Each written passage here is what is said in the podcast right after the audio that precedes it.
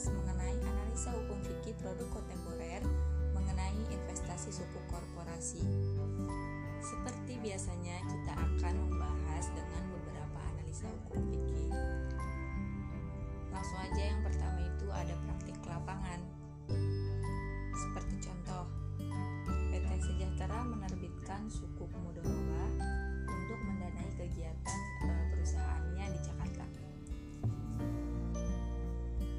Kemudian kegiatan perusahaannya ini yang dijadikan sebagai aset yang mendasari penerbitan sukuk. Dan ketika seorang investor itu membeli sukuk PT Sejahtera ini, maka investor itu memberikan uh, permodalan kepada PT Sejahtera untuk kegiatan perusahaannya. Maka dari itu, investor tersebut ikut memiliki kegiatan perusahaan PT Sejahtera secara bersama-sama dengan pemegang sukuk lainnya hingga jatuh tempo sukuk tersebut. Atas kepemilikan tersebut, seluruh pemegang sukuk berhak atas keuntungan dari kegiatan perusahaan PT Sejahtera ini dengan porsi atau nisbah yang telah disepakati di dalam akad. Bagian keuntungannya juga dilakukan secara periodik. Lalu ketika sudah jatuh tempo, maka PT Sejahtera ini akan mengembalikan modal kepada seluruh investor sebesar nilai nominal sukuknya.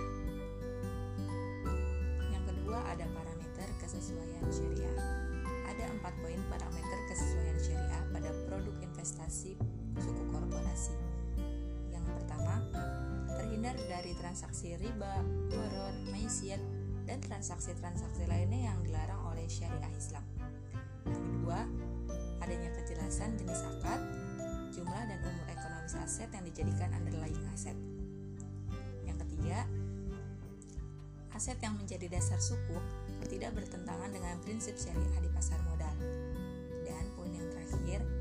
Adanya penjelasan skema transaksi yang digunakan saat penerbitan suku. Dan analisa yang ketiga, adab dan etika bisnis Islam. Dalam menerbitkan sukuk, penerbit harus memastikan bahwa dana sukuk yang diperoleh digunakan untuk kegiatan yang tidak bertentangan dengan prinsip syariah. Dan usulul fiqh pada produk investasi suku korporasi terdapat pada surat Al-Baqarah ayat 275 yang artinya orang-orang yang memakan riba tidak dapat berdiri melainkan seperti berdirinya orang yang memasukkan setan karena gila. Yang demikian itu karena mereka berkata bahwa jual beli sama dengan riba. Padahal Allah telah menghalalkan jual beli dan mengharamkan riba. Barang siapa mendapat peringatan dia berhenti, maka apa yang diperolehnya dahulu menjadi miliknya dan urusannya terserah kepada Allah. Barang siapa mengulangi, maka mereka itu penghuni neraka. Mereka kekal di dalamnya. Dan ada pada hadis Nabi, riwayat Imam At-Tirmizi dari Amir bin Auf Al-Muzani. Perjanjian boleh dilakukan di antara kaum muslimin, kecuali perjanjian yang mengharamkan yang halal atau menghalalkan yang haram. Dan kaum muslimin terikat dengan syarat-syarat mereka kecuali syarat yang mengharamkan yang halal atau menghalalkan yang haram. Selanjutnya ada kaidah fikih.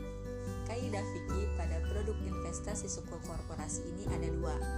Yang pertama, al aslu fil muamalat al ibahah illa ayyadula dalilun ala tahrimiha. Pada dasarnya semua bentuk muamalah boleh dilakukan kecuali ada dalil yang mengharamkannya. Kemudian kaidah fikih yang kedua yaitu darul mafasid muqaddamu ala jalbil masolih. Menghilangkan kemudorotan lebih didahulukan daripada mengambil sebuah kemaslahatan. Selanjutnya, makosid syariah. Yang pertama, berinvestasi sambil mengikuti syariat Islam. Yang kedua, memberikan penghasilan berupa imbalan atau nisbah bagi hasil. Dan yang ketiga, aman dan terbebas dari riba, goror. Selanjutnya ada konsep muamalah. Transaksi ini diperbolehkan apabila dalam menerbitannya sukuk harus didasari dengan akad syariah yang mengutamakan asas keadilan dan kemaslahatan, menghindari hal-hal yang membahayakan dan merugikan, serta terbebas dari unsur riba dan ketidakpastian. Sebagai implementasi akta tersebut, sukuk harus memiliki underlying aset yang tidak bertentangan dengan prinsip syariah. Dan juga, dana yang diperoleh dari penerbitan sukuk tidak diperkenankan untuk kegiatan yang bertentangan dengan prinsip syariah. Akad-akad yang digunakan pada investasi suku korporasi ini ada akad mudharabah, musyarakah, murabahah, salam, istisna, dan ijaroh. Akad-akad tersebut e, sesuai dengan penerbitan Fatwa DSN MUI nomor 32 tahun 2002 tentang obligasi syariah. Investasi suku korporasi ini juga terdapat pada Fatwa DSN MUI nomor 137 tahun 2020 tentang suku.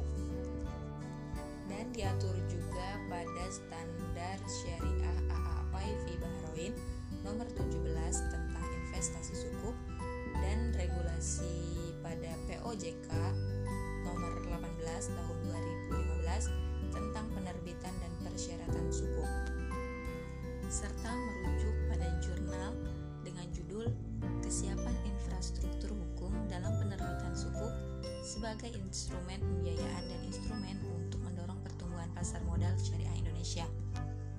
Selanjutnya ada manajemen risiko dan pemasaran.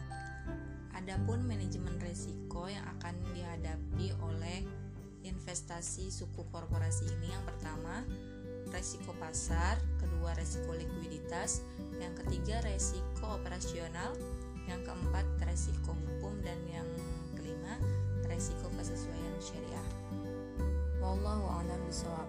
Mungkin hanya ini yang mau saya sampaikan. Terima kasih. Wassalamualaikum warahmatullahi wabarakatuh.